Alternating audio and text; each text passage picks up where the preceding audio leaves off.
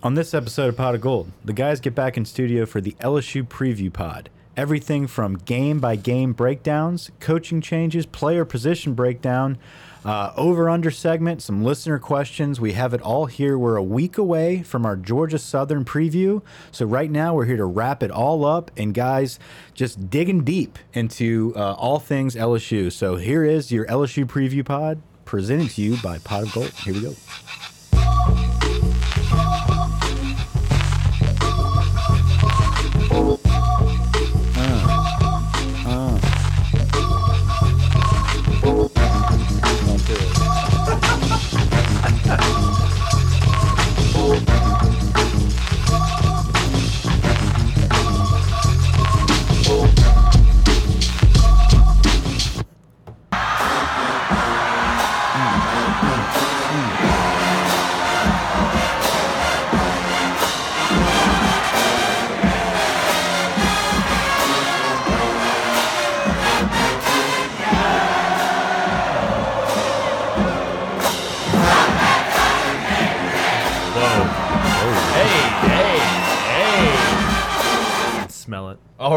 Of Gold, welcome back, everybody. I figured that would be the perfect way to kick it off. The juices are flowing in the studio right now. I'm Brett. I'm here with Mike Grant, the intern, back. Producer, if you look at his uh, Twitter, it's executive producer, so we'll call him that now. Yeah, I love how Brett, you you sent me a message. You're like, "Hey, have you checked out uh, Grant's Twitter bio? It's been that ex- way for several months. It now. says Yeah, executive. that shows you how much we pay attention to what you got going on. Yeah, guys, welcome back to the show. Today is the LSU preview pod. Brett, are you? I know you said like Yeah. the college football preview is the favorite. I don't know. I think this Oh, one you like might this be one? the favorite. I feel like this is the time where you can be as positive as humanly possible. Just dive right in, and it's going to be fun. We're going to be here for a while, so just, uh, sit down, grab a snack, pack your cans, whatever you What like kind of to do. snacks do you think they're going to listen to or eat Listen while they're to? listening to Pot of Gold? I know the sound of flowing. Gardettos. Juices are flowing. Brought to you by Gulf Coast Spirits.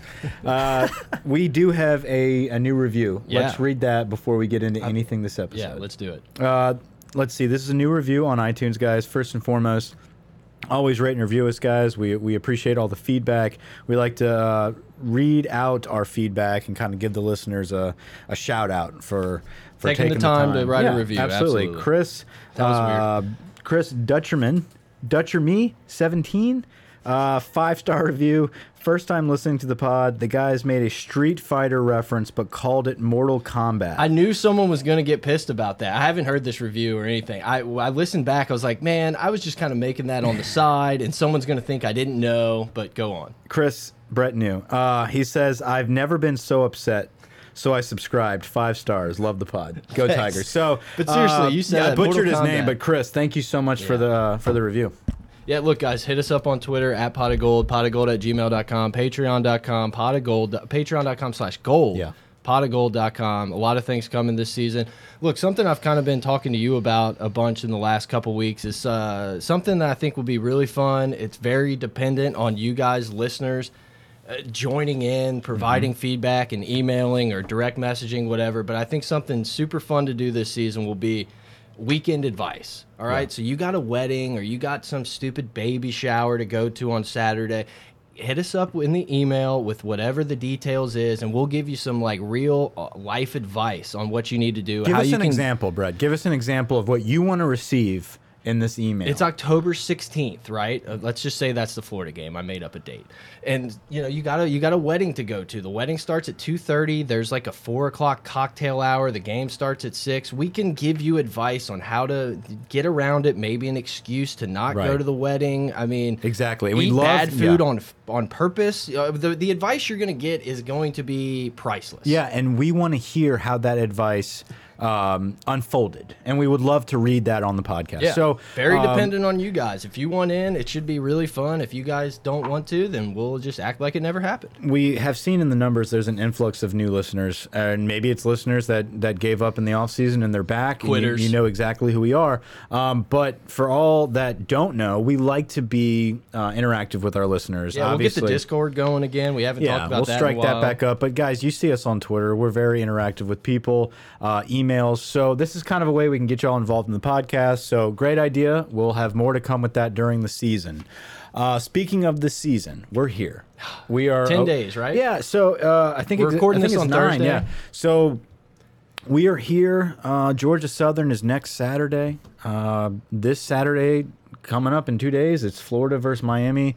Uh, we have a week to wait after that for the first big game. What are your thoughts on week zero? You like it that we get a Florida Miami game to No. like tease us? I don't like it either. I'd like rather it. everything week one. Let's let's ride. Yeah, uh, it's okay. I, I I don't really like it. I think I would rather some of the smaller teams play and kind of warm up. Give me a Toledo. Yeah. Yeah. if we're if we're watching big boy football like Florida Miami, I'd like a whole day of that. I don't, and then all of a sudden like you got to wait another week for just one game. Sorry, uh, uh, No, I was gonna say it'd be cool to have like three slots on that on I agree. instead of just one game. yeah, And you know what college football does well? It's kind of like what they do with NFL Red Zone. When you have like 8,000 games going at one time, you don't really understand that maybe some of these games are bad because you're constantly Yeah. flipping around. No, just seeing all or nothing. Give me three or four games over the course of the whole Saturday, or don't give me any. You know, I that hear one ya. game's kind of a. It's really a teaser. I know? hear you. Are, are we ready? we're ready to go. So this is the LSU preview pod. For everyone that listened, we we kind of gave you a little bonus segment, bonus podcast earlier this week. Before that was a big college preview podcast where we went through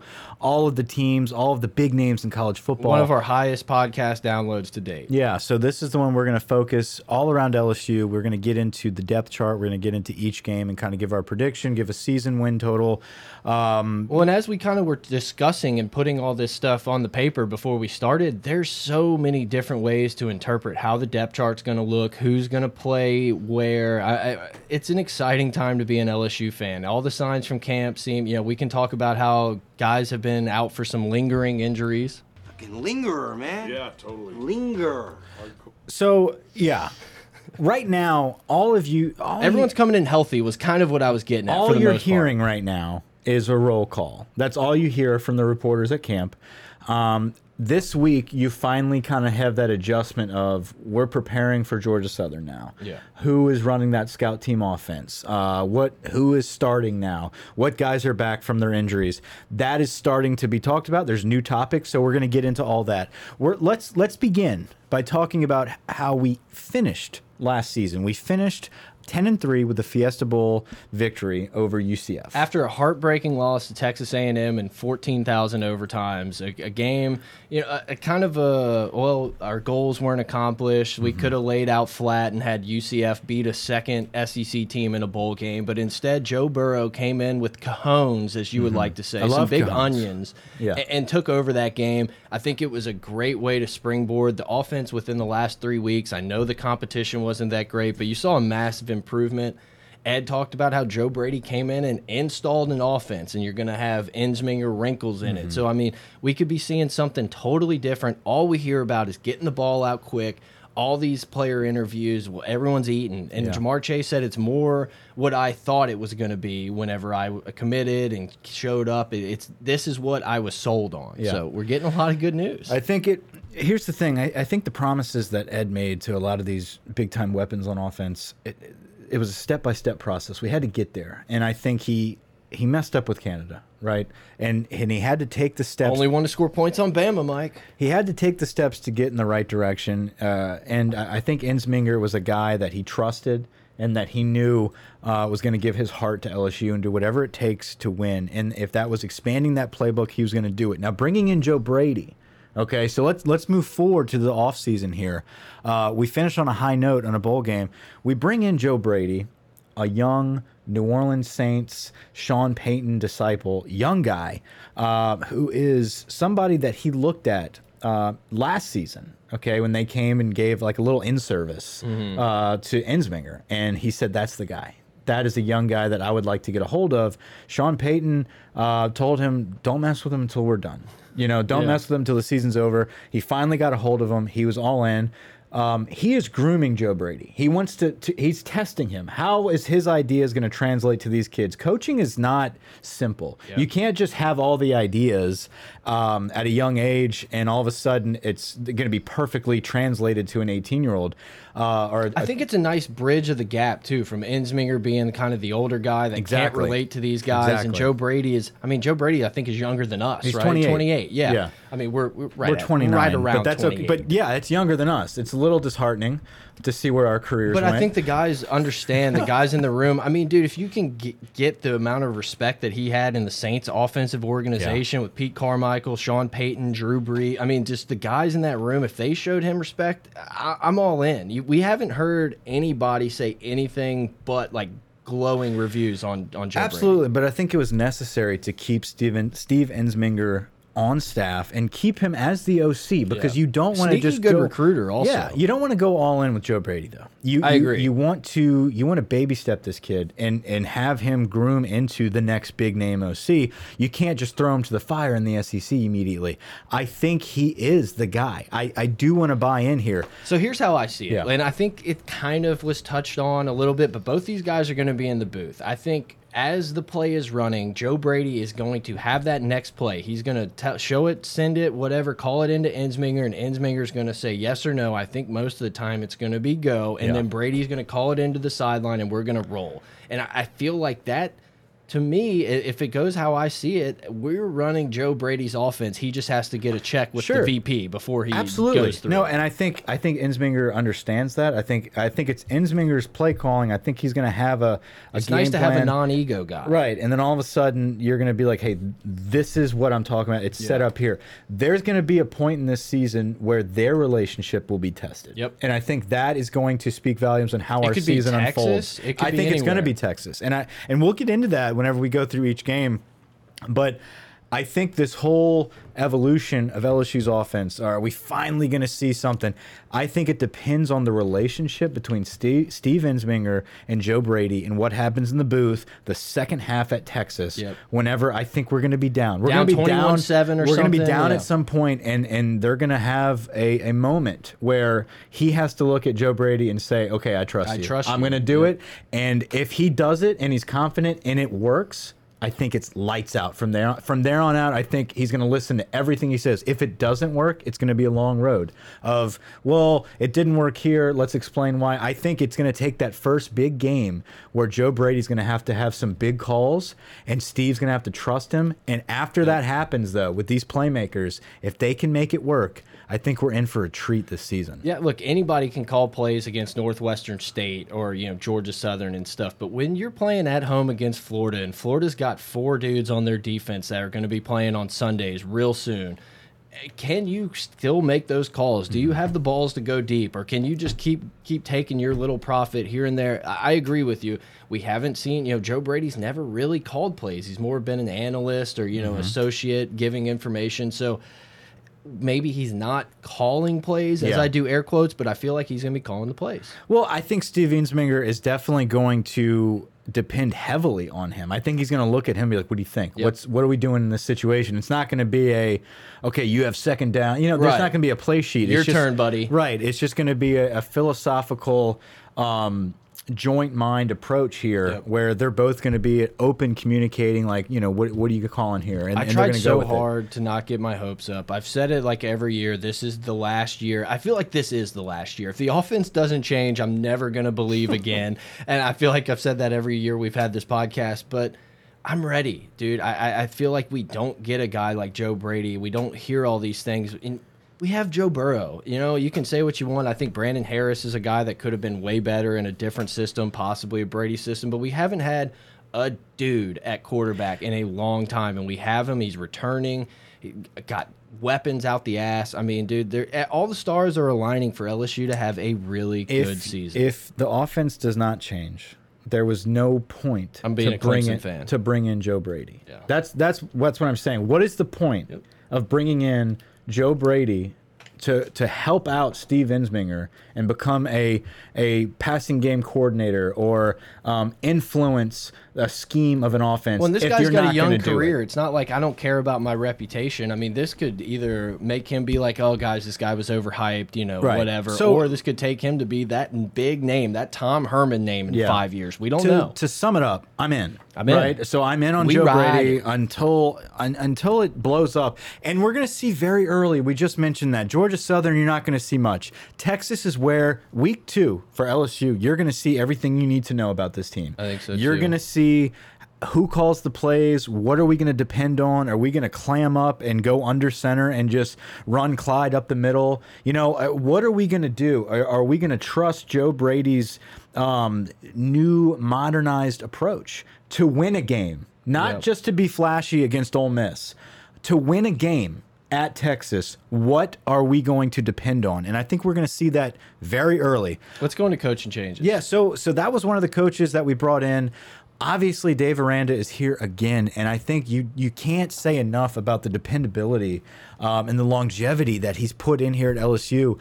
To have a, a solidified, grounded as- associate head coach, uh, highest paid defensive coach in the in, in the whole league. Oh yeah. He's, I mean, he's probably the guy. paid higher than ninety something percent of head coaches. Yeah, I, him and Venables are neck and neck. Yep. And listen, Clemson has it figured out. All right, so we have a guy here at LSU in Dave Aranda who is very trustworthy. I'm not worried at all about him convincing me if he has the defense figured out. I think the only thing you're worried about on defense is some injuries, um, some depth, but honestly, not really. Yeah, I mean, no, we're, look- we're going to go into it, but Yeah, not we'll- really. We'll, go into that in a little while. I mean, Bill Johnson adding him to the defensive line. If if you had to look at one guy on there that you would say like maybe won't be there next year, I feel like you have to look at James Cregg. I hope I'm wrong. I hope our I hope offensive you're wrong, line is too. totally different, I- but he's the one that sticks out.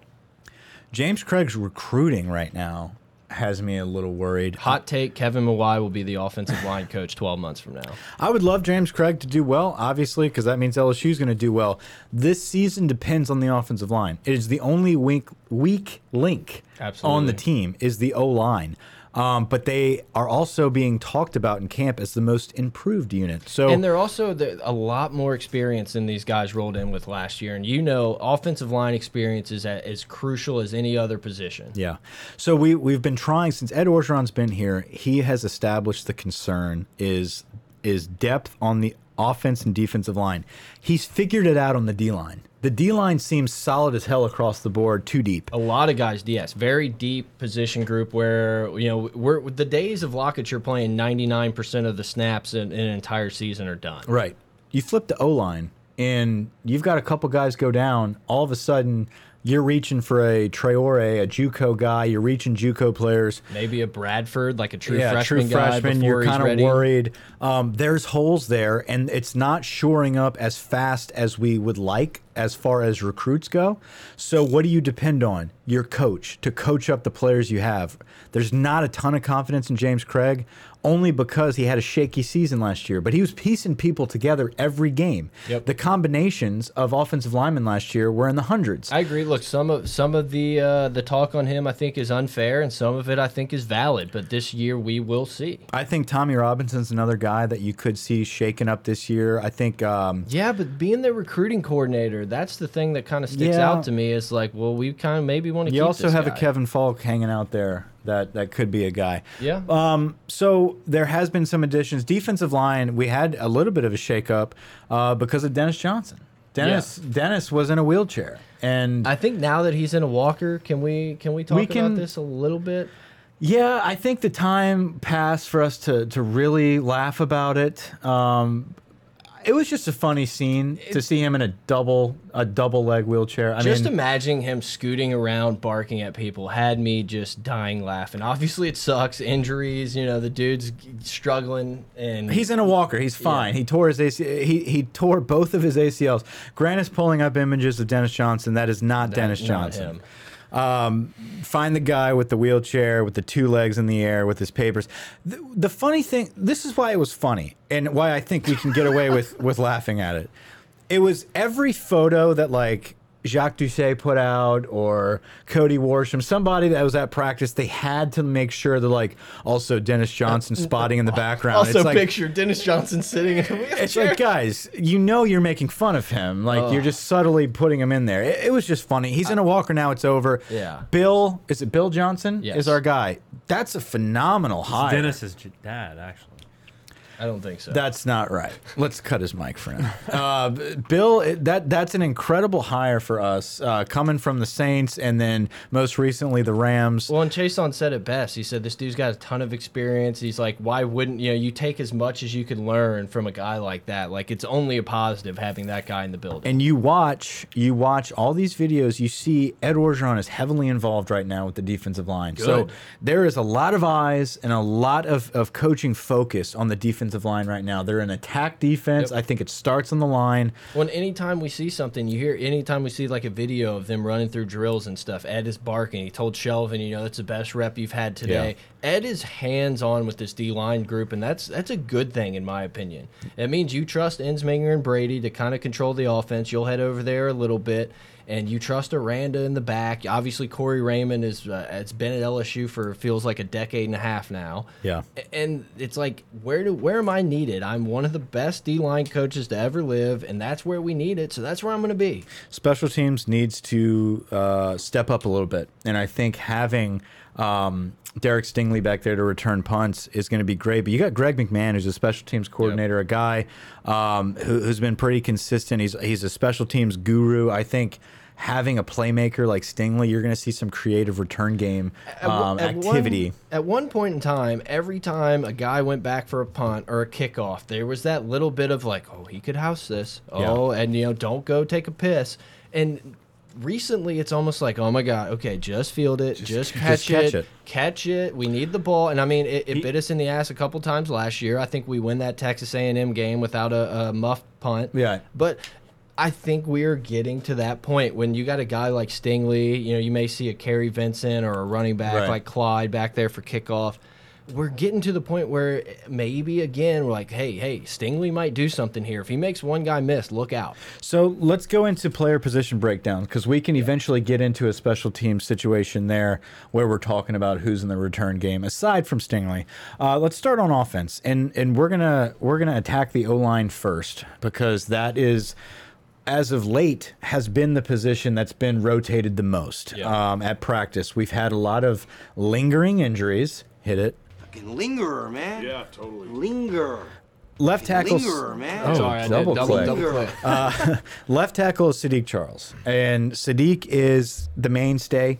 He is the returning starter. He is your best player on the O line. Uh, he is a junior. He's got two letters. He's a guy that you're depending on to be your blind side.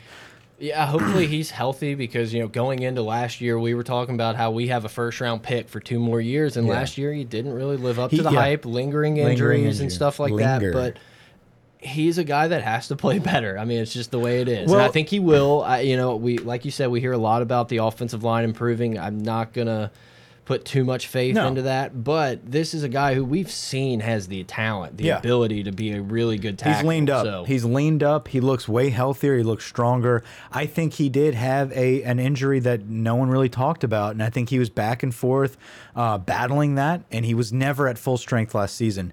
Left guard, you've got Chasen Hines, um, who is a guy that Ed said yesterday will be back and healthy by Georgia Southern. That's who they want at left guard. Okay. Uh, Do you Well- think Magee is going to be the taking that first snap at guard uh, If- two, a Saturday and a half from now? Here's the thing. I would rather have Hines healthy for Texas than for Georgia Southern. So if Mm. But you, do want that continuity. If you're healthy, you yeah, play. absolutely. But if you need an extra week, if it's still there and you you have an extra week, you have you have two main swing guys. Um, we'll get into them in a second, but this is the, your projected starters. If we had to play a game next week and all are healthy, Saahdiq Charles left uh, left tackle, Chasen Hines left guard, center is the leader of this team is Lloyd Cushenberry. I could I can't say enough about Lloyd. 18, number 18, um, a guy that came out of nowhere last season that was supposed to be the question mark of the O line turned into your best player, player. absolutely. Um, right guard Damien Lewis. He is back at practice. Big guy, flirted with the pros during the draft. Uh, that was odd, uh, but he is a guy that's a mainstay now, Yep. and we need him to be healthy. Right tackle, in my opinion, our weakest spot is Austin Deculus. It's definitely the biggest question mark, and I, I hope that all this noise and everyone constantly saying that he's not good has given him a little fire. Everything we've heard from from whether it's online or from sources that we know from people there that say Deculus is a lot better than he was. So I mean, hopefully that that's the case. He makes a big jump. You have to have these good tackles, and, and so we can get these balls to these uh, playmakers, guys like Ja'Marr Chase and Justin Jefferson. They have to play well. So we're going to go into our season breakdown in just a minute as far as games go, um, and and how LSU's year will be will unfold in our opinion. Uh, but to sum it up, before we even get into that, this position group is where it it rides or dies. Yep.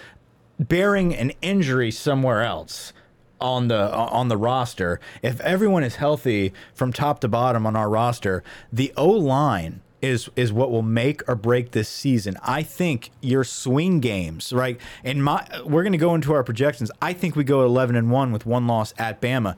If our O line does not hold up, you're going to lose to a Florida. Yep. You're going to lose a at nine Texas. and three regular Right. season with a potential Fiesta Bowl win. Yeah, again. I think your swing comes from how the tackles hold up. That's that's my opinion. Our losses are going to come because of our O line. That's where I'm at. So Look, we look at Auburn. I mean, I know we're going to get into this, but you look at Auburn on the schedule and you're like home game before a bye, coming off of Mississippi State. Auburn maybe in the best true Looking freshman forward to quarterback. They got yeah, exactly. It's a little bit of a look ahead. We don't know. Clemson could. I mean, Auburn could have two or three losses by this time, but that doesn't mean they don't have a ton of NFL Yeah. talent on their defense. I mean, Yeah. it might be the best front it's four going to we play all year. It's going to be protecting Burrow. that could be a loss. We kind of take for granted. You're like, oh, Auburn, haha, Gus, he might get Well, fired. That's I, Bo I don't Nix, know. is, Bo Nix is a true freshman coming into Tiger Stadium. When's the last time they they won at LSU? Especially. We've kind of had a horseshoe up our ass against Auburn so recently, though. the swing players uh, on the offensive line.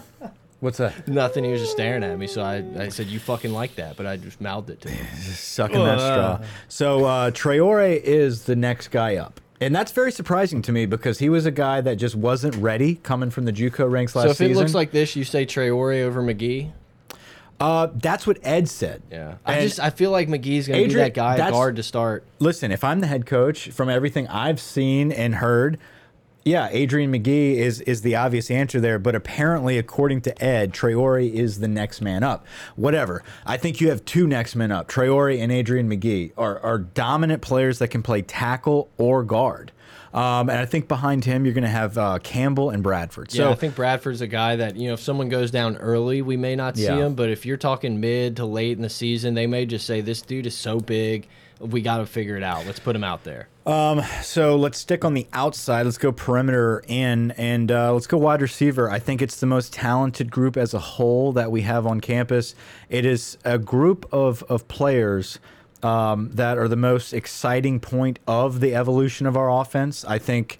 Um, if anyone is is most excited, other than Joe Burrow, about developing into a modernized offense, it's it's this group of guys. It starts with number two. It starts with Justin Jefferson, a guy that came into LSU undervalued, underrated. Um, By that far, your most reliable receiver had more than double any other play. I mean, I think you could add up any two wide receivers, and they would have had less receptions than Jefferson last year. here's a guy that came to LSU whose family was shit on. Yes. Okay. Listen, Jordan Jefferson uh, was Winningest quarterback in LSU history. eaten alive by our fan base. A lot of deserved. I think you know. Obviously, the offensive scheme had something to do with it, and uh, he just absolutely. Ricky comes in. yeah. serviceable safety, performs well for us. He's no All American, but he did his job. He did what he had to do. Here comes Justin, who is kind of an unknown, great route runner. He's good in camps, but he's not a huge recruit. Yeah, people never talked about him in the recruiting. No, They're like, not a oh ton. yeah, another He's Jefferson. got a great. I think he had a great issue. So like, I don't know if he's going to qualify. I think Bama offered him. Holton, he would have qualified. all kind of easily. but all kind of stuff like that some chatter about yeah well you know his family's kind of disgruntled whatever you know how they treated jordan blah blah blah blah boom all of a sudden he signs next thing you know he's starting as a freshman he's in there playing a little bit sophomore year he blows up and he has been nothing but uh, a great ambassador. That whole family, I, I, I can't get over how excited I am for that whole Jefferson crew. And and honestly, I think Justin's my favorite one. I think this is a guy that is developing into such a phenomenal wide receiver. He's so dependable. Um, he just comes up with big catches. I think He's the- our Keenan Allen. at I'm the not end of saying the he's day- an NFL pro like that, but he's always At- in the right spot making catches. At the end of the day, I think if you can, uh, when he gets drafted one day, his highlight reel, the the final image of Justin Jefferson, I think it's going to be that catch against Georgia, the one where he just goes out of his way. He doesn't care if a safety's coming across the top. He trusts his quarterback to put it in the right spot. He launches out and he makes a huge play down the field. He is a guy that's so dependable, and I think this offense fits him perfect. Had a great catch at the back end of the end zone in that UCF game for a touchdown. I mean, dude, this dude made so many plays. If you're gonna pick, I would say like as a breakout wide receiver, I think I would take Chase over Marshall. Well, that's the next guy. Heard I was gonna great say, things yeah. out of Terrace Marshall. Chase is a dude. I mean, so you got number two early on. Jefferson, number one Chase. Yeah, we threw Chase, we threw Ja'Marr Chase a fade in the first quarter or the first half of that Miami game because we trusted that guy to be able to go up and get a ball at the pylon. I think he's going to have a ton of catches. I think that he is one of the main guys they're going to say like, let's just get him the ball, even if it's a yard off the line of scrimmage, and let's just let him go. Terrace Marshall's a guy, five star, one of the top, maybe the number one wide receiver in that class. Big body, very fluid. He's a guy that's not just he's not your D Anderson type where he's just a big big target or Yeah. a Stephen Sullivan. He's a guy that can take a screen to the house. Mm-hmm. He's got it all. He showed flashes of being really good in that Georgia Yeah. game. I think he only had 12 catches on the year. You know, coming off, he, he even said himself he probably rushed He had it an a injury. little He had too linger. much. Yeah, he wanted to play. We're not hitting it. We're not hitting the limit. We do a two, Two. limit for the lingerer. Got him out. Your mic's off. Don't Your worry mic's about off it. for right now. Uh, Jefferson, Chase, and Marshall are your three top guys, and and, I- and I think uh, we've seen that coming for a little bit. The a little bit of question is, now. I think those three are as locked as locked can be. It's like who who is that next guy? Because we haven't heard a ton about Derrick Dillon. Here's the thing. Here's the thing. Your next guy would have been Stephen Sullivan, but we moved him to that Y spot, with the the tight end quote unquote position. Um, so your next true wide receiver, Dillon has a lingering hip injury. He had surgery on it. He's not playing right now. Yeah. Okay. Dee Anderson is suspended right now.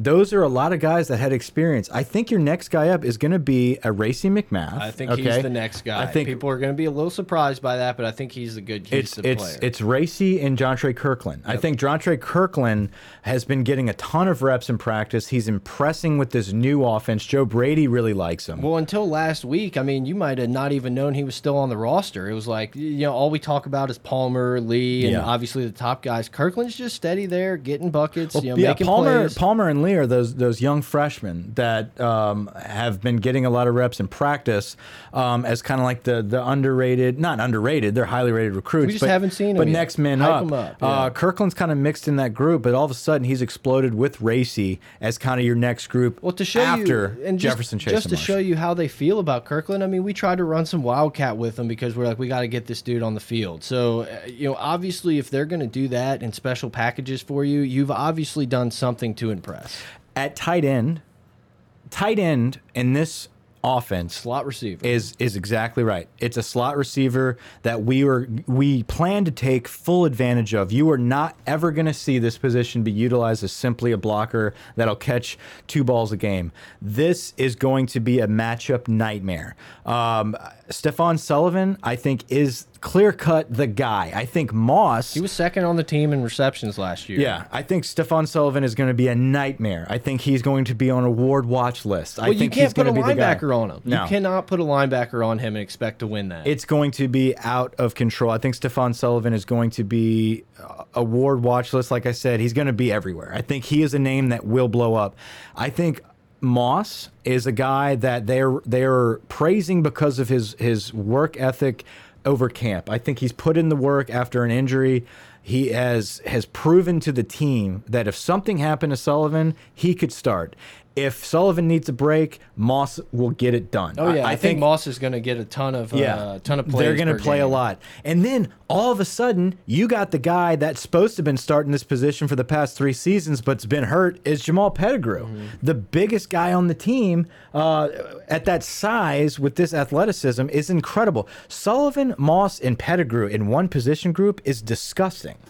Yeah. Let's move on. I mean, it really is. I'm just imagining having the three wide receivers: Jefferson, Chase, Marshall, and then you have like I'm talking a five wide receiver set where you have Moss and or you know Sullivan, and then you put an Emery or a Clyde in that spot. I mean, how how do you cover that? You can't.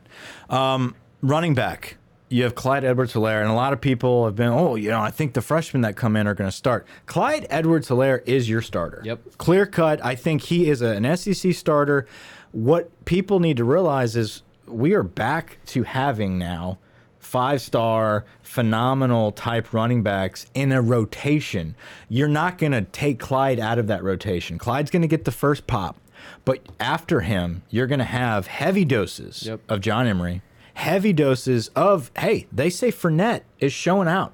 You're going to have heavy doses of Ty Davis Price. I think Curry, in my opinion, It's the one that gets left is out. the odd man out. Yep. And and that's just me. It- you could be different. Grant could be different.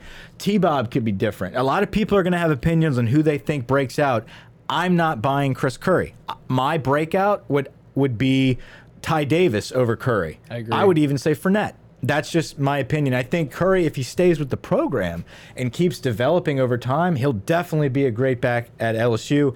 I just think the day and age where if it's a one, hey, if I'm not starting by sophomore year, I'm out type of thing. I think that's where the discussion on Curry would go. I think if he's a, a, a career guy, a, a university guy where he sticks with his team, he could have a great career. I'm just saying it's going to be Clyde. I think it's going to be Emery. And then I think it's going to be a split carry between Ty Davis and Fournette. Yeah, I, you know, it'll be interesting to see. LSU has liked Fournette a little bit in that receiving role in the recent whenever he's gotten into the game and his limited uh, play time. I'll be interested to see, man. I mean, who gets more touches? Do you think Price or um, Fournette? Price or Fournette? That's a great question because that's two very unknowns. I think One- Fournette more in the passing game and Ty Price more in that fourth, third, fourth quarter rushing. Yeah. I think we're going to see a very big similarity with 2011 where uh, you've got a lot of big name guys up top and then all of a sudden like Alfred Blue is dominating the fourth quarter. I Kenny Hilliard. Kenny Hilliard dominating the, the fourth program. quarter. I think Ty Davis Price is going to be that guy that dominates the second half of football games. If you see this guy in person, you're ready to give him the Heisman. I Yeah. mean, he is a, a phenomenal. big guy. Looks great. Uh, quarterback Joe Burrow. Duh. Uh, What what else do you need to say about Joe Burrow other than Onions. other than this is the guy we've been waiting for? He's the best leader we've had at that position, and I couldn't tell you how long. And that's a game changer. That is what changes programs. This recruit alone, I think, is a program changer for Ed Orgeron in LSU football. Is Joe Burrow? He is a natural born leader. He is a guy that understands football.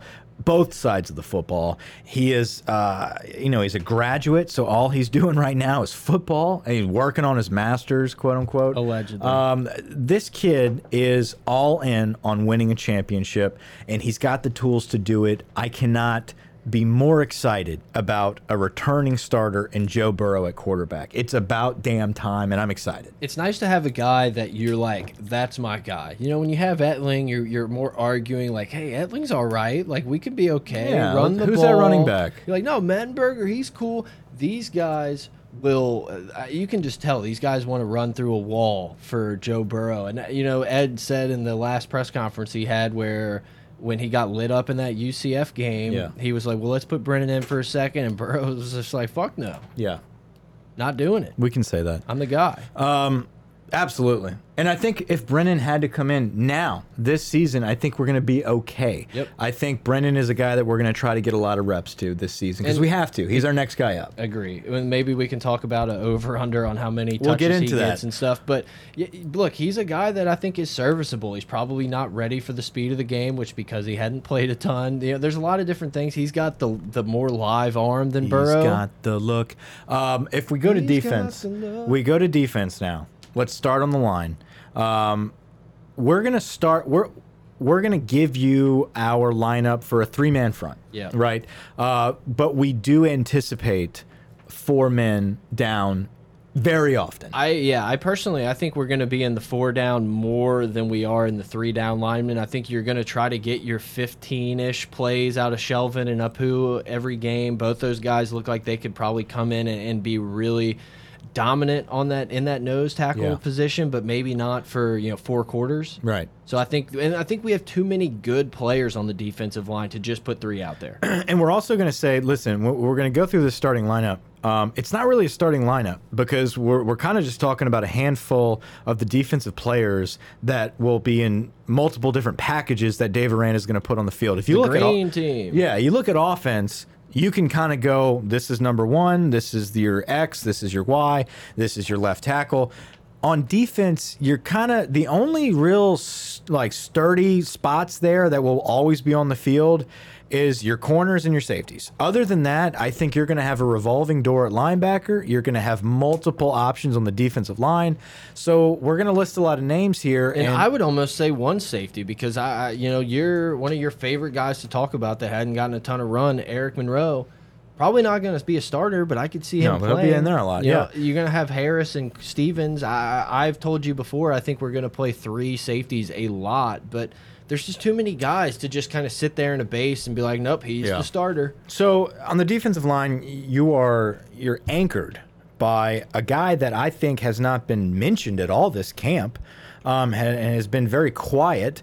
Um, who- Uncle Phil. Who, yeah, Uncle Phil. I mean, he, uh, Rashard Lawrence is a dominant top returning defensive tackle in the country, and we are not talking enough about Rashard Lawrence. Well, and to be fair, our defensive line, you know, maybe they were doing their job and allowing linebackers to fire, et cetera, but it wasn't a defensive line that was in the backfield constantly disrupting plays. Lawrence had his times. He I mean, he yeah. definitely made some great plays. Trying to come up with the game now, uh, but he had a such a great. What, was- I think it was the Texas A&M game Mm-hmm. where they ran like a zone read on the goal line, and he just blew it up and Yeah. tackled him three yards behind the line. This guy can play. They didn't just give him a five star because he was big. No, and I think a lot of these guys, like a Lawrence, coming back to LSU for their senior seasons is, is just really huge, man.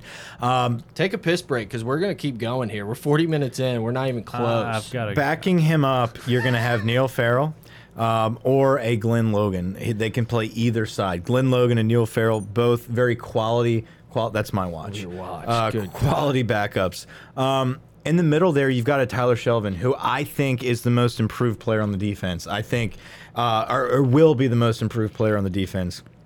He is a guy that has lost a lot of weight. He was the number one player in the state of Louisiana, a big five star D tackle, who I think this is the year that finally comes true. He is backed up by Siaki Ika, aka Apu, uh, true freshman, big bodied nose tackle. Those two are going to rotate. Yep.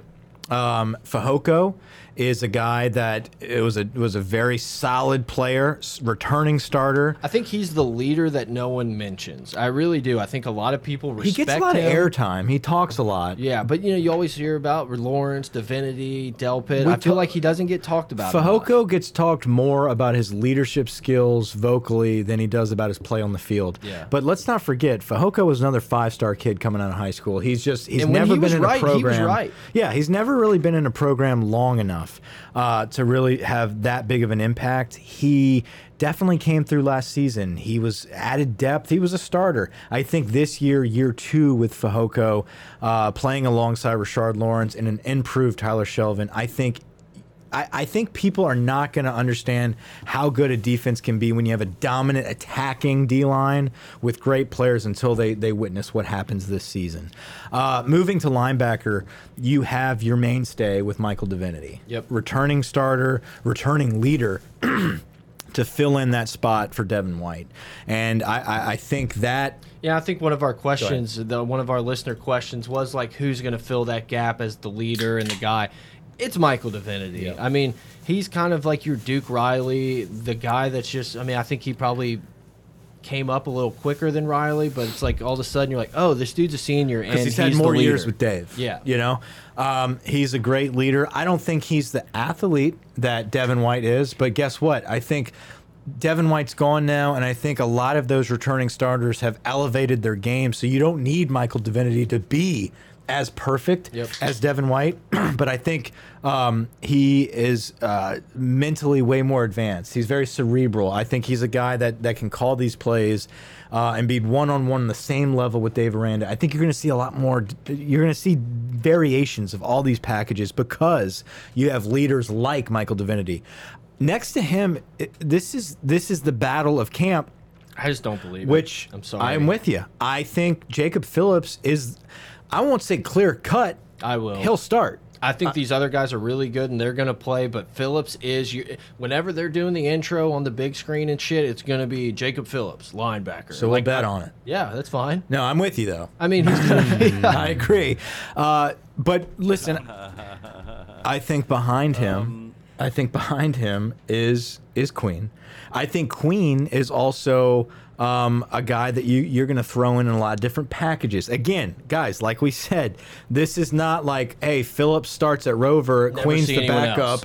You might not see Queen till next season. He should take a red shirt. Yeah, Bullshit. I think Clark's going to play too. You know, I think all these was guys about are to get going to get snaps. Sorry, go ahead. No, no. I, I'm just saying, you've got four linebackers in the middle.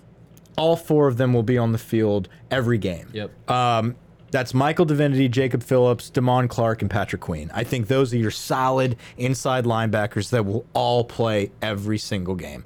You're not going to have to. I think this competition is just some buzz because there's nothing else to talk about. I think Jacob Phillips is your starter. Patrick Queen is just just as good to play. Damone Clark is that next rising sophomore. When uh, it's hard to hard to catch up to the experience Phillips had last year. Excuse me, playing next to Devin White, being on the field for a ton of big plays. I mean, obviously he missed a couple halves for Yeah. targeting, but I mean he was on the field as much as just about anybody last year. Outside of that, And then we move on to kind of our outside linebacker field. the only defensive touchdown for LSU, Miami, Jacob Phillips. Boom. Uh, That blew my mind when you sent us that. Stat. Right, I I like che I kept checking. I was like, this can't be right, but we didn't return a pick. Like I, I'm se- almost positive. The first game we got hyped for that touchdown, then not again. the field. I don't remember who picked him defensive as the end, player of the game, Stand up slash outside linebacker. Um, K'Lavon Chaisson. It's your guy. I mean, it's MVP, everyone's guy. um, most valuable player on the team outside of probably Delpit. I don't know. I, I think he, this is a guy I've been hyping up for two seasons now, and he blew it out against Miami, and we couldn't really see it come to fruition. I think this is the year. I think he's a first round draft pick. I think he's number 18 for a reason. I think the guys know what's coming. He is a def he's an, a quarterback nightmare, an offensive tackles nightmare. Absolutely. K'Lavon Chaisson is is back. He's healthy. He's ready. He will be backed up by a plethora of guys. Uh, a rotation of uh, Rashad Thornton. You've got Andre Anthony. I think the sleeper here that not a lot of people are talking about is Jarrell Cherry. I Yeah, think look- he's a backup that is going to be playing a lot at multiple positions. I personally think if Cherry when not if when Yeah. Cherry sees the field, he's going to be at that down defensive end type of guy. But I agree. Look, Chaisson is a guy just like Delpit. He's one of the first names you have to call when you're in film study preparing for LSU. We Yeah. have to figure out this guy. Do we have a tight end chip on him? Do we keep a running back in? You have to account for Chase on every play he's on he's on the field because he can get to the quarterback. He's such an athlete. So let's go. Let's let's move outward now, and we're going to talk about um, the the definites here, okay? And then we'll get into kind of the swing players. The definites at corner, you're definitely going to have the returning starter Kristian Fulton, number one. He changes numbers. He's number one.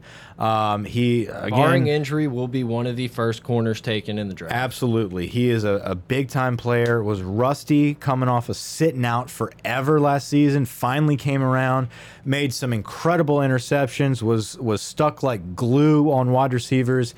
He is the next guy out of DBU to get drafted high. Kristian Fulton is a dude. Opposite him, my God, you've got co- probably the most hyped up freshman we've had since Patrick Peterson. It's Derek Stingley. Yeah. Uh, Dude, just looking at this, man, in April when they do the draft, you could have three LSU guys. You could have Fulton, Chaisson and Delpit all going You in the first could, round. you could, uh, yeah, absolutely. I think if Fulton, I, I mean, Delpit easily is a first rounder. Yep. I think Chaisson if he stays healthy, is a first rounder. I think Fulton, if he has a big Fulton's year, in that greedy area. If he has a big be year, late, yeah. but he he he could be a first round guy. Like he could easily be in the green room for the for the draft. So Stingley's the other corner. Um, I think at safety, your your surefire starter, number seven, your MVP of the entire team is Grant Delpit. Um, like we just said, this guy is a mainstay. He the first spring he came in as a true freshman. We watched that spring game. What's the first thing you said? like- you said that's a dude. Yeah, like who the, who the, who the hell is that? Who's number nine? Who's the skinny guy because he can play? Yeah, and and the reason that that was talked about was because he was not afraid to run up to the line and sneak his head into a pile. And he, was reminded me exactly of Jamal Adams like that. He liked to get dirty immediately. two years later. He is on every watch list for every award. Um, he's the best player on the team, and I can't wait to see him wreak havoc back there. It's going to be a fun year watching him. Now you move into the last kind of two to three spots here. At nickel, you will have Kary Vincent. I think he is good enough to be an island corner. Um, but I, am not as sure about that. I think he's the best nickel we've had in a long time. I love the way this dude plays. If there's an injury at corner, I think that's where we are the leanest on the outside. If there's an injury at corner, it's coming in. Vincent. I think Vincent. Go. I mean, you saw they they did it last season. Yeah. they, they did it last season when the freshman. I mean the. Uh, when when Fulton went down, when Greedy went down, Vincent was the first guy up. He locked down all the Ole Miss wide receivers. I think he is your first guy to go to corner. After him is the concern. Yeah. Uh, that's when you've got Cordale. Flott, Jay Ward, Raydarious Jones. Manny Netherly. Manny Netherly, absolutely. I think if Vincent has to move that way, I think Vincent is good enough where a nickel position is not just, ooh, it's a package deal. It's like, hey, this could be our starting guy every single series. Yeah, he's a guy that you could theoretically have as your in your base defense Right. as that extra corner. Personally, I feel like it's going to be Stevens in that. Like, I I, I really feel There's like we're a going to be lot of playing options. three three safeties a ton. So when you look at the other safety spot, Ed talks about Todd Harris being a starter. So you could have a, a situation where it's Delpit, Harris, Vincent, and then the two corners. Yep. You could have a situation where it's Delpit and uh, Jacoby Stevens. Okay. Um, there's there's a lot of different situations there. I think that hybrid player though that safety that will be up at a linebacker spot that could drop to a strong safety that's jacoby stevens Yep. and i think this season you're going to see um, you're going to see it develop and you're going to figure out the, the coaches are going to figure out what's most effective. Is Yeah. it Kary Vincent at nickel? Is it Jacoby Stevens at this at this swing hybrid position? And he looked so good playing near the line of scrimmage last year towards the end of the season. He was spin moving on guys. I mean, I think Stevens is poised for a huge year. It's not like breaking news. People have Yeah. talked about it. I think the guy that follows right after Stevens and is going to play a lot, you're going to I think they're going to throw Marcel Brooks in that area. Maybe not immediately. I, I I think in that swing spot, yeah, I think that that hybrid position is made for Jacoby Stevens. Um, I think you're right in the fact that if he goes down, Marcel Brooks is the next guy to fill that role. I think if a Todd Harris needs a break, Eric Monroe would go in before a Brooks. Um, I think Eric Monroe will also be flexible enough to swing out to nickel if Vincent scoots out to corner. This is a very flexible group. I think this guy is these guys are interchangeable. Monroe and Brooks' names are going to be talked about a lot in special teams. I think these guys are going to be getting after it on the Damone special Clark, teams. Marcel Brooks, Eric Monroe. These are guys that are going to be dominant on kickoff, on punt, on the return game. Like these guys are going to be everywhere, but you're going to see them rotate heavily with this starting group. Um, I think that's our starters. Let's uh, obviously we talked about Derek Stingley as your punt returner. Kick returner, I think we're going to look at a running back. I don't know if he wants to keep Clyde out there as the starting running back. I think it could be a spot for Fournette, honestly. It could be a spot for Fournette. It could be Emery. Yeah, but I I, think you- Emery. I think Emery's going to have so much more play in the offense. They might not want to have him I- back there. I, I tend to agree. I feel like you're like, no, he's going to be getting a like 50% of the Yeah. snaps this drive. Let's not throw him out. there. Exactly. And the majority of these balls are going to be kicked out of the end zone anyway. We're going to start on the 25. you also have the fastest man in college football with Kary Vincent. So I, I I think that could happen as well. Um, let's go into. Let's transition. Are you are you good with players? yeah, I think we're. Do you want to do special teams? Cade Nah. York looks fine. Cade Von York is- Rosenberg's 35 and back in action. Everyone knows. Yeah, Von Rosenberg is the Blake punter. Ferguson, long snapper, shouldn't have to deal with anything there. Is there any other Fergusons in the pipeline? Can we? Is that it? Are we done? Yeah, I think we have a, not a Ferguson, but I think we have another a long. teammate. We have a, a teammate of the Fergusons Snap up in Academy. Georgia. Right. Should we start that Snap Academy where we just prepare long snappers for the league? Possibly. All Teach right. people how to Snapchat. We'll, we'll take that offline. Uh, teach people how to Snapchat. That's funny. Uh, let's let's let's go through the season here. We open up against Georgia Southern. Win. w. Okay. We saw some stuff. I, I read a few things about Georgia Southern that they're not necessarily. They've been working on some five wide and stuff. It's not necessarily going to be the the Georgia Southern you remember against Florida. I think I don't remember who else they played. They played another team there where it's just you know option you to death. Uh, you know, ho I'm hoping they spread the ball and we get to see some of these corners and athletes play in space and not necessarily just the assignment football against the triple option. But we'll see. But yeah, I think we can chalk that one up as a W. Jontre Kirkland has been the scout team quarterback in preparation for Georgia Southern. Um, he has been running all over the place. They say he is shaking and baking people.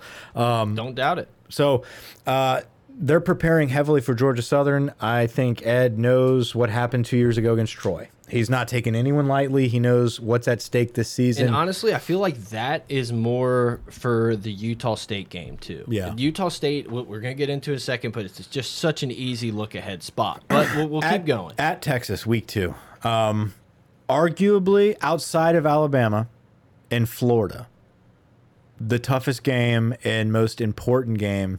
Hell, I think it's the most important game on the schedule because if you lose that game, it's almost like last season against Miami. You lose that game, the trajectory of your season is down. You win that game, you're looking at so what are they? They're 10, Yep. right? They're ranked number 10. Um, we're 6. If you beat Texas, you're automatically probably you move up to the top five Yep. because you won on the road at a top 10 team um, you end up at florida okay you can end up they're number eight we'll get into this in a second but i'm just saying if you beat texas you're automatically in that discussion to move into a playoff spot and the top four you lose you go off the rails. Texas is scary. And we're not going to get into I know someone asked us to get into breakdown Texas Wait a couple weeks. we we will break down Texas during Texas week, but I do have this as a win. Yeah. But it is close to a toss-up game. That's Yeah. that's my thing. So It here's how here's how I kind of look at Texas. Uh, we've been I've watched a ton of their games on YouTube and stuff. I look at it as it's a little it's similar to Miami where I think LSU has just the better talent, the better athletes. The difference is you have Tom Herman, a, a amazing big game coach, Yeah. and you have a quarterback that can kill you with you, with his feet. I'm worried about I, if Ehlinger has to sit in the pocket and dice us up, chalk it up as a win. What I'm worried Yeah. about is when we get some defensive pressure, things get a little Scooting crazy. out of that pocket. He just goes up the gut for 25, 30, 40 yards. And I mean, Yeah. he's a bowling ball. He, he'll run you over. I'd like to see him meet up head to head with Delpit or somebody and let's see what happens. but- Fitzgerald from Mississippi State is a is a comparison when it comes to the running game. I Mm-hmm. think Ehlinger is a much better passer than him, um, but running wise, that's the threat we're talking about. Um, it's a tough game, and I'm excited as hell to watch it. It's probably the hottest ticket in in the game right now. Uh, Northwestern State W at Vandy W. hang out in Nashville, catch you a W. And then this Utah State game, that's what I'm saying. You know, you play Vandy, you, you feel good about yourself. You say, we got Florida. We're pissed off that we've struggled against Florida recently. Utah State, I'm not saying they're a great team, but I think they're they're they're fiery. They're they're a team that They're can catch fiery. you. They're, They're, going to win some games this year. It's sandwiched there on a road game and then Florida. Um, so uh, you're going to have to prepare for them. Uh, but you look at Utah State, Vanderbilt, Northwestern State, and Georgia Southern. That's four teams where we should be able to see a lot of Myles Brennan. Yeah, I hope so. Early in the year, then you you're you're ready. And this is your big SEC home game, the first big, big test uh, outside of Texas. Texas is a huge test. You're going to know exactly the type of team you are after Texas. Florida is, in my opinion, outside of Bama, um, you can make an argument. G Georgia's a great team, but I think Florida is is on the rise. That's the toughest team outside of Bama. Um, they are very good. Dan Mullen's a very good coach. They they're on the way up. We have them at home. Yep. Finally, for the first time in years. Well, and this game is circled. I mean, there's Yeah. no doubt about it. We're tired of losing to them. It's been a couple rough games here and there. and every time that LSU's gone up against Dan Mullen in the past five years, it's it's been a tough game for LSU. So I'm really interested to see Florida's going to have a ton of guys.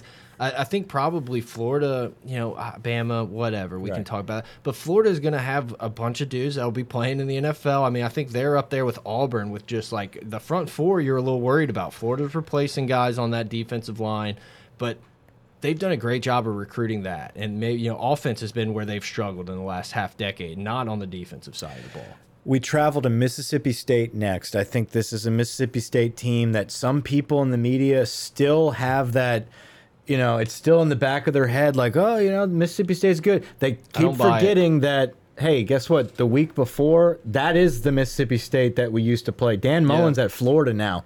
Mississippi, Mississippi State. State's replacing a lot. Man. They're they're replacing a lot. I don't believe in the coach. Um, I I don't like the quarterback situation. They're not a team that's going to just get one on Dave Aranda all of a sudden. We have depth this is not the Mississippi State of old. We will get a W. So you think we're seven and zero oh going playing Auburn at home? Yes, I and and at this point, so we beat Texas, right? We move into the probably a top five. We move from six to maybe five. Um, you have to think Bama, Clemson, Georgia probably aren't losing by then. So right. four, maybe it depends on how well, good Hurts looks at Oklahoma. I think if you you beat a top ten Florida team at home after beating a top ten Texas team. I think at that point you're definitely in the top four. I agree. I yeah. think you're at 4 you're unless at four. unless Jalen Hurts and OU just look incredible. Right. I'm not sure. I know they play Houston week but one. That's, I don't that's think where have you a, have to look at their schedule. Yeah. It's they might look great, but if you're beating Florida and Texas, no matter how good Oklahoma looks, you got to put an SEC team like LSU there. So this I, Auburn game is is a tricky one though, man. Freshman quarterback. We'll see how Bo he Nix, looks against Oregon and some of these other. I don't teams. like it. Auburn has a brutal schedule. Like I said, we could be playing a three or four loss Auburn team at this point. That is a, a live dog, a, a team with a bunch of talent on the defensive side of the ball. Kevin Steele, shout out. Yeah, I don't. I don't see, and we can pull it up. When's the last time Auburn beat LSU at home? Um, I think it was. I don't. I, I really don't know off the top of my head. I, it could be '99. Um, it was a long time oh, ago. That's a long time ago. Um, I don't see their first time being with Bo Nix breaking in a true freshman um, at LSU the year that well, this could be peak LSU ball is rolling also at this point. I mean, you know, this is the last game before your bye going into the quote game this of the is, century, game be, of the year. This could be peak LSU and this could be Malzahn's getting fired. So Yeah, Malzahn shit. Malzahn may not even be the freaking right. coach at this so point. You, we don't know. You don't know. Um, I, I, I have that as a W, and that's why it I was think, right, ninety nine. I think wow, yeah. So blew us out. Good job, Mike. Um, Bama. So you have a bye week, then you're at Bama. I think this is our first loss, but I also think this is number two versus number three at Alabama.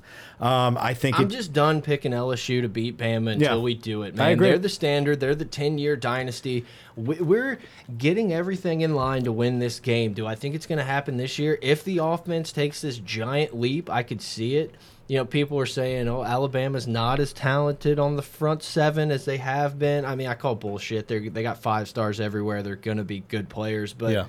I just can't. I can't put this down as a win. I can't. No, absolutely. I, I, I'm. I agree with you. I hate to admit it.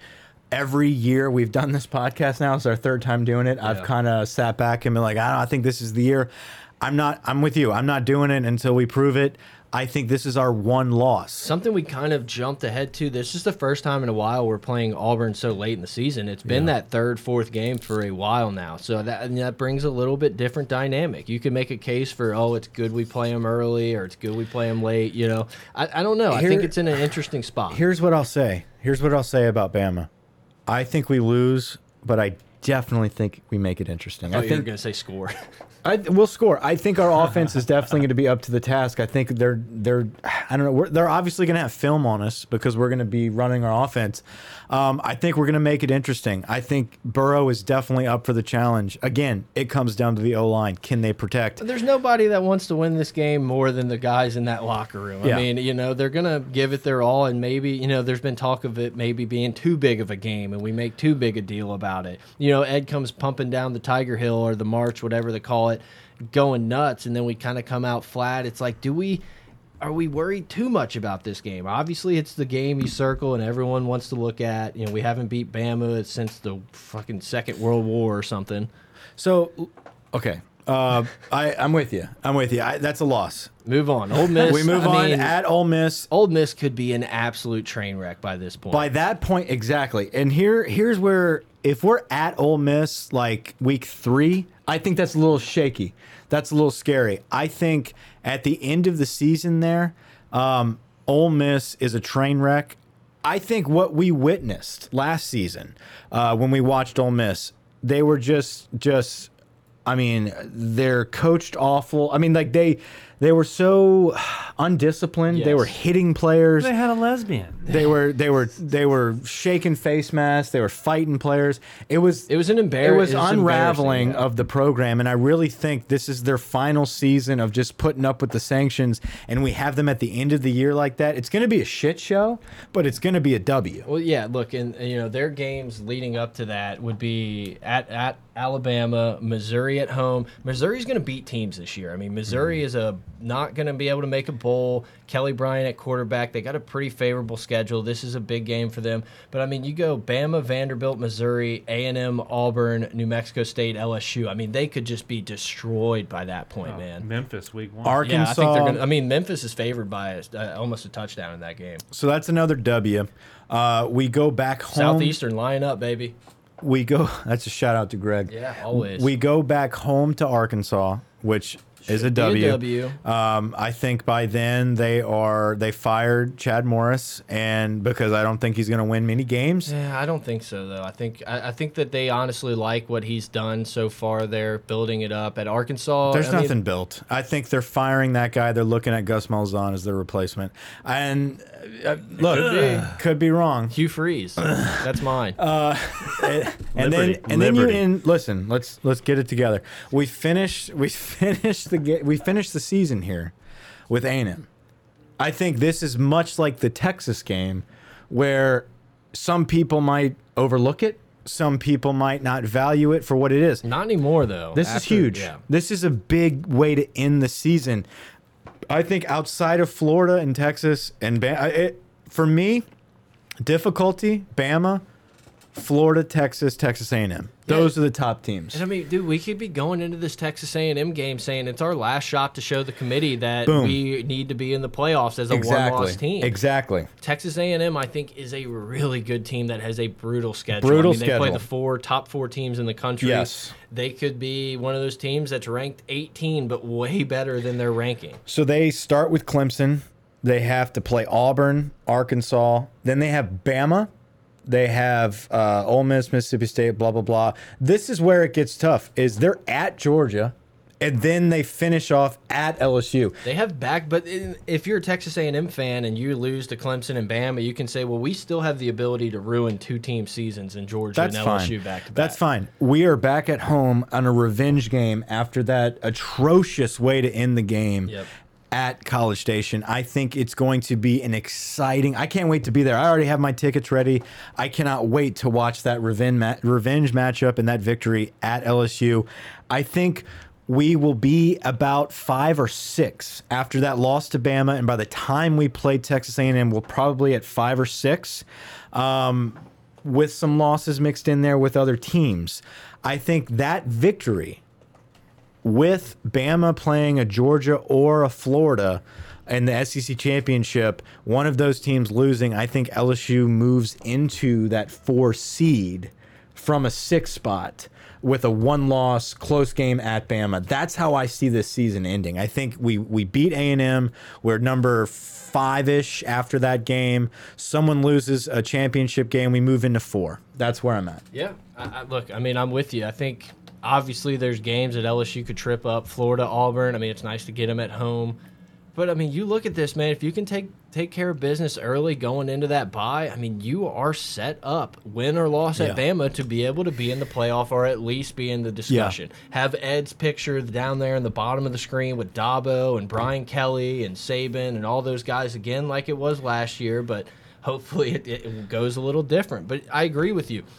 I look at this and I say that's that's an eleven and one. Could I? I definitely think ten and two is an option. We could definitely trip up to one of those Texas, Florida, type teams, but I I think this is the year it kind of all comes together. the all year. the guys are back. You know, so many returning players. it, a guy like Burrow. I think this is the year Me that you, you we could potentially be in the playoff. Do I think we could beat Clemson in the first round? I, I'm not we'll sure. see. Play, exactly. I think playoff talk is earned. I think once you get there and you and you prove it. See, that's why when I look at like a Notre Dame, you know, or I look at OU, it's like yeah, they've they've been there, but they're they haven't crossed that hump yet because they haven't beaten those big teams and gone to the championship. I think that's why eh, once we get there, then we can talk. I think this is the year we finally get there. And then once we're facing the Clemson, then we'll talk about that discussion.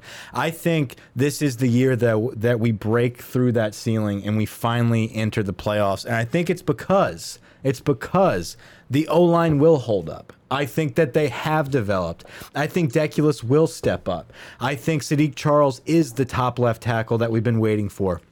I think having a leader with Lloyd Cushenberry locking down that offensive line, keeping them motivated, healthy, um, just established as the leaders of this team. If the O line can be a cohesive unit, protect Burrow, Joe Brady's gonna gonna call the right plays with Steve.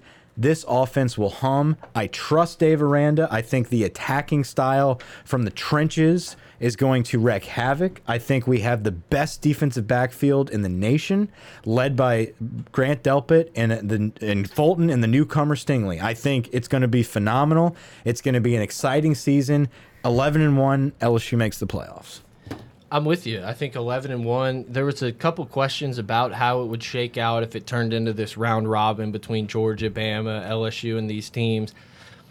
I don't know. Obviously, you'll have to see what shakes out in the Big 12. The Big 10 could just cannibalize itself and uh, not, you know, I, Ohio State beats Michigan, but Michigan loses to Michigan State. Round, you know, Yeah. round and round we go. I'll be interested to see Oklahoma, man. Oklahoma, they have that obviously that massive game against Texas, and the Yeah. Big 12 is a little down. I don't think you're getting a Pac 12 team in there. You're Or- probably going to have two SEC teams.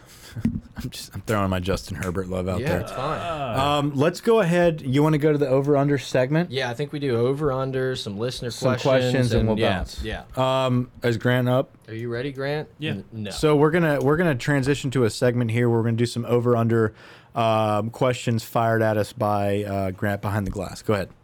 Yeah, just a few of them here. We got um, first off, who will have the most carries this year? I think it's obvious.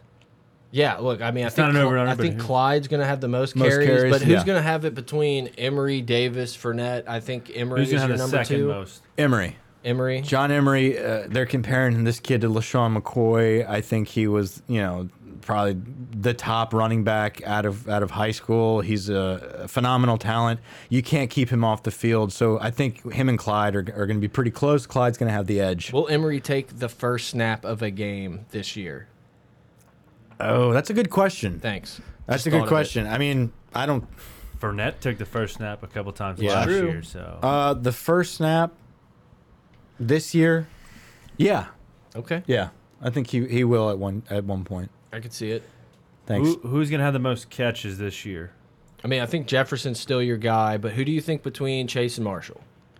Well, I, I disagree. Okay. I don't You think, think it's it's. gonna be I don't think it's clear cut for Jefferson. I think Ja'Marr Chase does blow up hmm. as the go-to target. My thought with that is it just it was obvious that Joe Burrow and Jefferson had a nice little rapport with each other. They were, you know, the, he was his go-to guy, and obviously, you know, Chase and them have been in the program longer. But I think when the when the chips are down, you know, whatever kind of stupid saying you want to say, I think he's going to target Jefferson still. okay. Mar- Mark that down. Okay. Note has been made. Um, who's gonna have the most sacks this year? Chase on All right, most sacks between, Lawrence who? and Fehoko, between Lawrence and Fehoko. Lawrence, Divinity and Lawrence. Divinity, and Lawrence. Lawrence. Okay, big year out of Rashard Lawrence. I I'm feeling a big year out of Uncle Phil. All right, um, Um, interceptions. Who's gonna have the most out of Fulton and Stingley? I think Stingley. I think people are going to throw away from Fulton early, and Stingley's going to be ball Del- hawking. and Delpit, who Delpit. led who led the Delpit's, conference and the Delpit's team. going to have way more interceptions more than than both. s- both of them. both of them. I but I do disagree. I think Fulton's going to have more than Stingley. Okay, let's get into some over and unders. Over and under total yards passing for Joe Burrow, 3,700. And the record is 3,300 from Rohan. And last year, Burrow had 2,970. He kind of stacked up some yards late in the season. It was really hard. I, I am the one who picked this 3,700 number. I feel like maybe it's a little high, but when you think about it, Over. he threw 3,000 yards. It's a tough one. It's a tough one. I think it's like right I think on it's the closer money. to 35. I agree. He If breaks I- the record, but he's not at 36. I would go Yeah, under yeah. in that 36. Yeah. Obviously, if you get into a playoff, you may be playing If he more throws for games. 3,700 yards, like we're talking, he's Yeah. in the Heisman contention. Yeah, that's at like thing that- is- Oklahoma-ish. The That's- thing is, is yeah. how many times are we going to throw it to the running back instead of just turning around and pitching it to him like we have for the last 10 years? Like, I, I don't know. I think we're. and they're gonna take Well, I- it. I They're think gonna they take trust shit like that to Burrow. the house. Who has more rushes, Burrow or Chris Curry? Burrow. Yeah. Burrow. Burrow or Ty Burrow's gonna run the shit out of that. Burrow's going to have more than Ty Davis. more than Davis. Yeah. More than Fournette. Yes. Yes. That's. I think Fournette's the one that's iffy. No, I think Burrow's gonna run the shit out of the He's football. I gonna personally have- think Fournette's going to have more touches. Like he's going He- to catch the ball a few more times. Uh, He Burrow had 128 carries last year. oh shit! I guess sacks. Will sacks play into that as well? No. Yeah, yeah, it does. It does because there's a gain and a loss. Yeah. So it does. But So- still, that means he So had. Deculus is on your side. he's gonna have over 80 carries next year. Yeah. I mean that's a lot. We forgot to mention Tory Carter, by the way. That's true. We did. Tory Carter's that Swiss Army knife fullback. He's our guy, but um, I think he's going to be involved in the passing game a little bit more this season than just strictly being a head hunting fullback. All right, I think agree. I just this- needed to plug Tory. This also goes to the passing yards is how many plays we run, and we have an over and under of 1,100. Let's call it 1,200 plays run. Last year we had 950. all we hear about in the offseason is how we're running multiple plays a minute with Brady. I think this could be one of those things where we run a just way more plays than we have in the past. I, I you know, maybe the numbers are wrong. I looked it up real quick with 387 passing and 563 rushing, but I I think we're gonna be over a thousand for sure. I think the A and M game, you know, gave you an extra thirty plays or whatever it ended up being, probably a little more. I could see it being right on that. I'm going to say under, but not by a ton. Yeah, I agree. Yeah, I think under, but more than last year. Um, over and under two and a half receivers with 50 catches.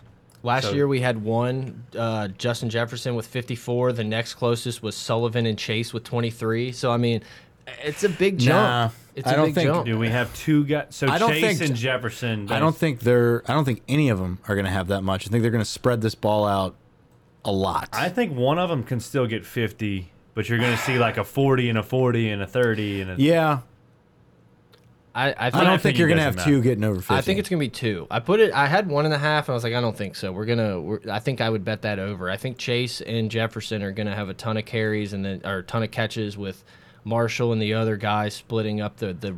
Next See, I think this is going to be a different style than we're used to. I think we're going to be spreading the ball out left and right.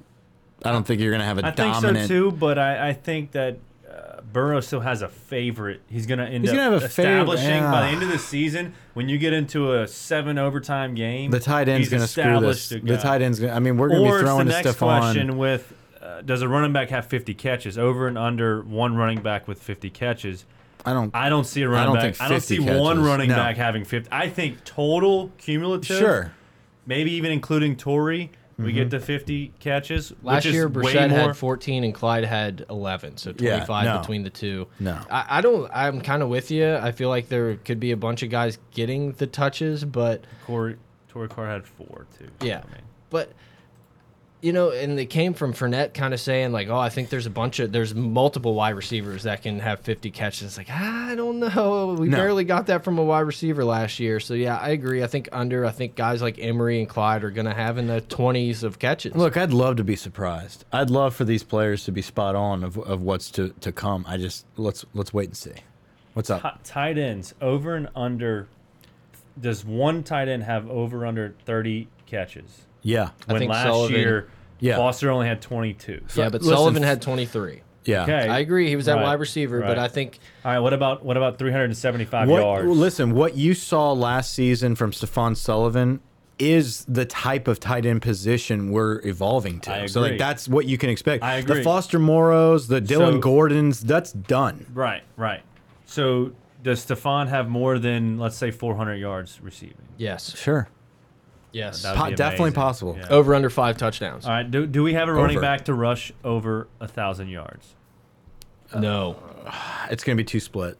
I agree. I think Yeah. all these guys are going to get touches. I think Because- Davis is going to yeah. get a Now ton we of said touches. this last year. Well, and I know it's a different offense, but I think I think there's no dominant guy. I last season we talked about this because we truly didn't know. This season we do know what to expect from Clyde. And we pretty we're pretty sure what we can expect from some of these freshmen. I think they're going to all split these carries. I don't think Clyde's leaps and bounds better than Emery. You know what I'm saying? So I, I think they're going to split that. And uh, you have to think too. Clyde is going to get. mm, I, I don't know, man. These these early games, I would say Clyde gets more, but we could be up a lot in a lot of these early games. So who knows? Go ahead. I, I would say no, though. I think there's going to be a couple guys in that so high. no one, maybe eight, not two guys with 800 I hope yards. so. That would be awesome. Go ahead, spitball. Um, does Chase on over and under eight sacks? Over. I'd say healthy over. Yeah. I That'd think be it's going to be awesome. like ten. Which that's a lot these days. Yeah, and I mean, Last dude, year's leading sack guy was He's dealt gonna- it with five. Yeah. He's and going to get to Divinity the with five. quarterback. He's going to get to the quarterback. And it all depends on how much he gets after it in these games, like the Northwestern State and stuff. If he can put three sacks up in that Northwestern State game, two and a half, it's like, oh, hey, maybe we're making something happen here. Delpit over and under five interceptions. That's exactly what he had last year. Does he go over? I think so. And does anyone else have more? I think y'all answered that earlier. No, no one's going to have more than him. I, I don't see him going over five. Stingley and Fulton are going to have three each. Delpit's going to have five. Kary Vincent's going to have two. Chase Owens going to have one. It's a lot of picks. Phillips is going to have one, One to the house. and Rashard's going to have one for a touchdown too. How many more? go. oh, how many more questions we got? Last one. Cade York over and under field goals made, twenty. Under. Under. I think. I mean, true freshman coming. I think Cade York's going to be good for us. Very good. I, think also they're going to go for no it on Cole- fourth a couple more Yeah. times than they did with Tracy. Cole Tracy was such a crutch for us. almost and- too big of a security blanket. Yeah, almost and- hindered us. I at mean, times, just I think. a, a great player, clutch, clutch signing by Ed, got us through the Auburn game. I, I really believe though this offense is going to be so much more improved than last season. We're not going to need York to nail that many. I think he's going to be great. I don't think he's going to be as great as Cole Tracy, maybe in a couple seasons, but not as a true freshman. I got No. two more real quick. Well, Yeah. over under one and a half defensive touchdowns. We had one last year. over, Oh. Over. Over 0.5 special teams touchdowns. over. Over. Over 1.5? Do we do we get two I special think- teams I think we touchdowns? get- I One, think, I think we uh, get we had an anemic return game. They were un, they, they were non-existent. I think you put a true freshman back there for a reason. You're counting on him to make plays. I think you're going to have over a touchdown for sure. All right, what else we got? We going to go into the some of the listener questions we didn't touch on? Do we have anything that we haven't touched on that the listeners asked? One of You the- haven't touched on me. Well, not yet. Um, I want you to pull it up Long so, ride you, home. So, so you can so you can get the guy's name. One of the guys asked about alternate uniforms and if we thought that Yeah, we would bring it cool out. I think that was a really good question. um, Florida's the homecoming game. I'm right? gonna say Auburn is the game that we we bring something out. I went after I read this question. I started just like Wikipedia my ass off, trying to figure out like an anniversary of something, something to commemorate. What do you got?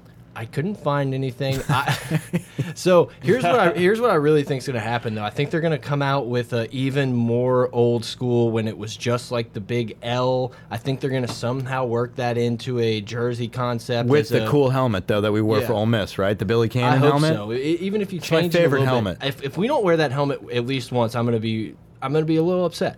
I love that. We're wearing purple for Northwestern State.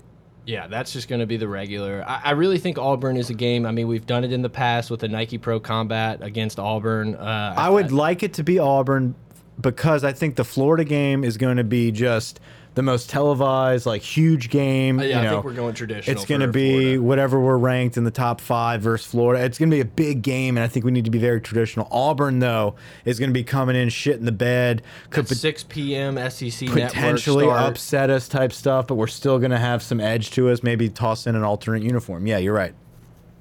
What was the guy's name? Was it This guy. We're looking at uh, the alternate Brady Maddox. I, I loved that question. I really did. Um, I think we I think we pretty much touched on a lot of these other things. Uh, which linebacker becomes the leader of the group? We said divinity, running backs, recruiting. Uh, go through Texas. We're gonna do that for the Texas week. Walk through each game. We did that. Fucking lingerers. That's funny. Live streaming. Live streaming will be coming. What are we doing? That following the. You want to do the Texas game? I mean, we're going to be in a So- potential new studio for the Georgia Southern game. Um, so we plan on doing post game live streams. Um, And look, for the people that are still with us, I mean, you guys are the grinders, the the poggers, whatever you want to call it.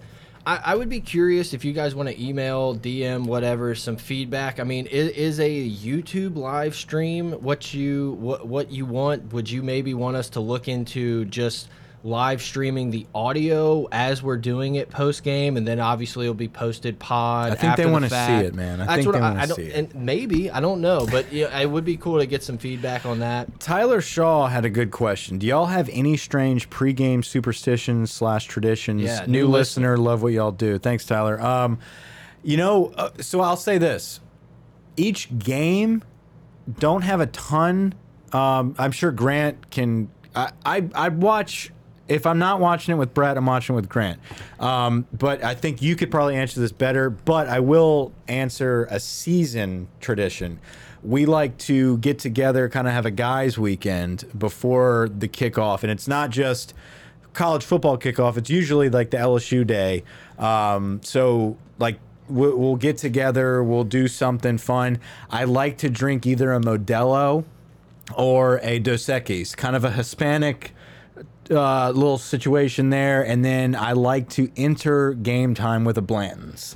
That's that's how I start the season off. I do not drink Blanton's all season. I am not a baller by any means where I can afford Blanton's every single week. But yet. Uh, not yet. Patreon.com slash gold. Uh, but I do start the season off with Blanton's and a Modelo slash Dos Equis, depending on how I'm feeling. I wouldn't say I have like superstitions. I just I, I'm a creature of habit. I like to wear like the same thing until it goes south. Like I'm not sitting on one side of the couch. Oh no no, got to move. Got. I mean I, I am doing that a little bit, but that's more out of like nervousness. But it's during the game when you do During the. Yeah, game, I don't miss a play. It's not- I don't think like I've you missed should- a play for probably 15 years. Yeah, and you, it's funny, kind of noticing as we started doing this pod. I, I've watched the game. You know, I've watched the game Yeah. two or three times anyway. But it's funny how much you almost miss live because it's just you're so in the moment and so worried Yeah. about what's going to happen, and then you watch the replay. You're like, oh yeah, Clyde had a good run here, or like, oh yeah, this happened.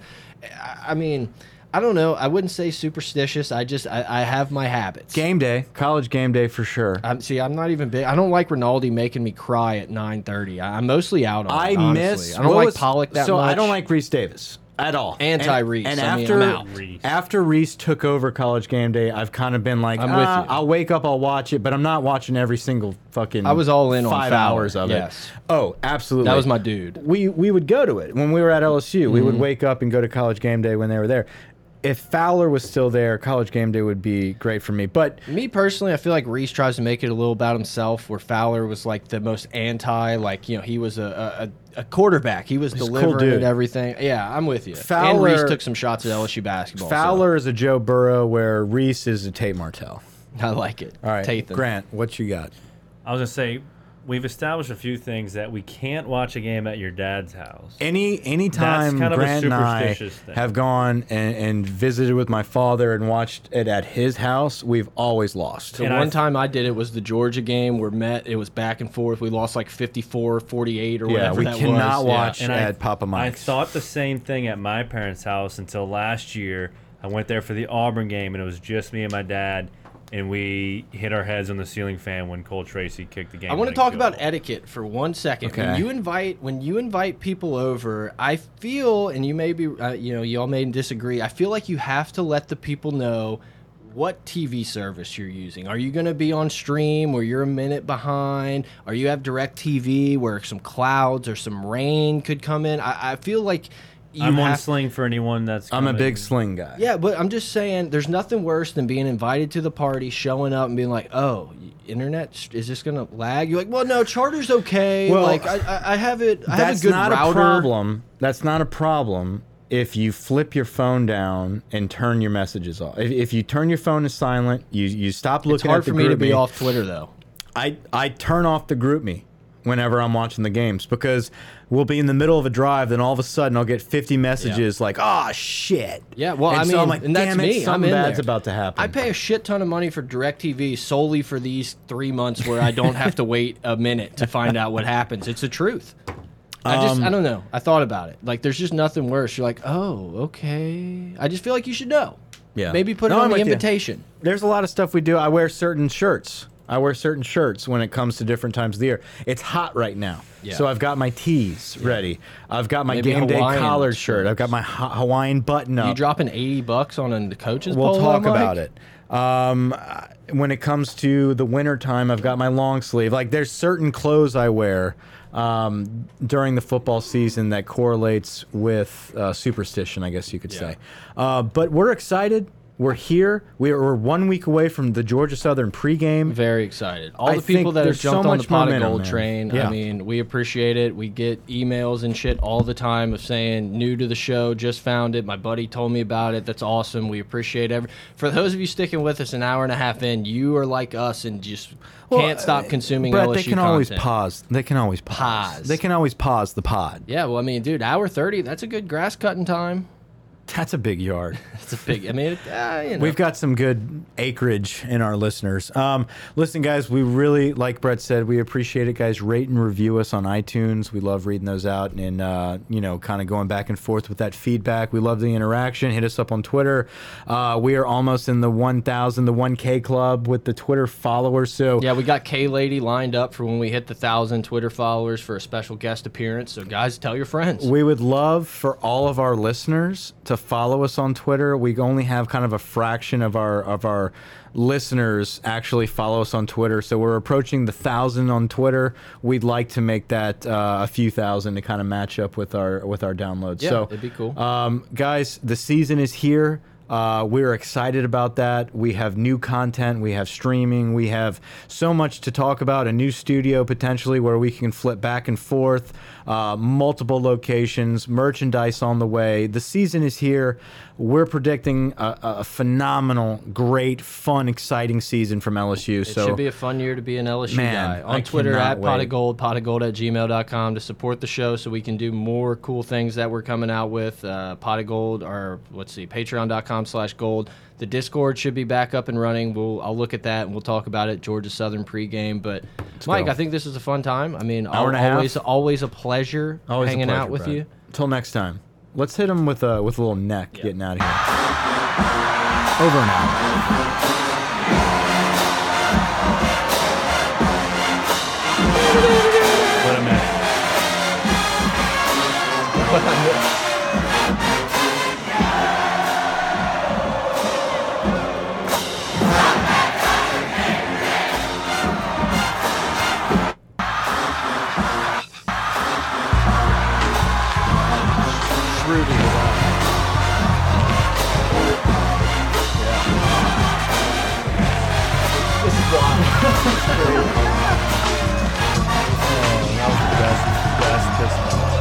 Shit's getting a little crazy. Out of control. We're out of control. We love you guys. Wait, the mics are still on.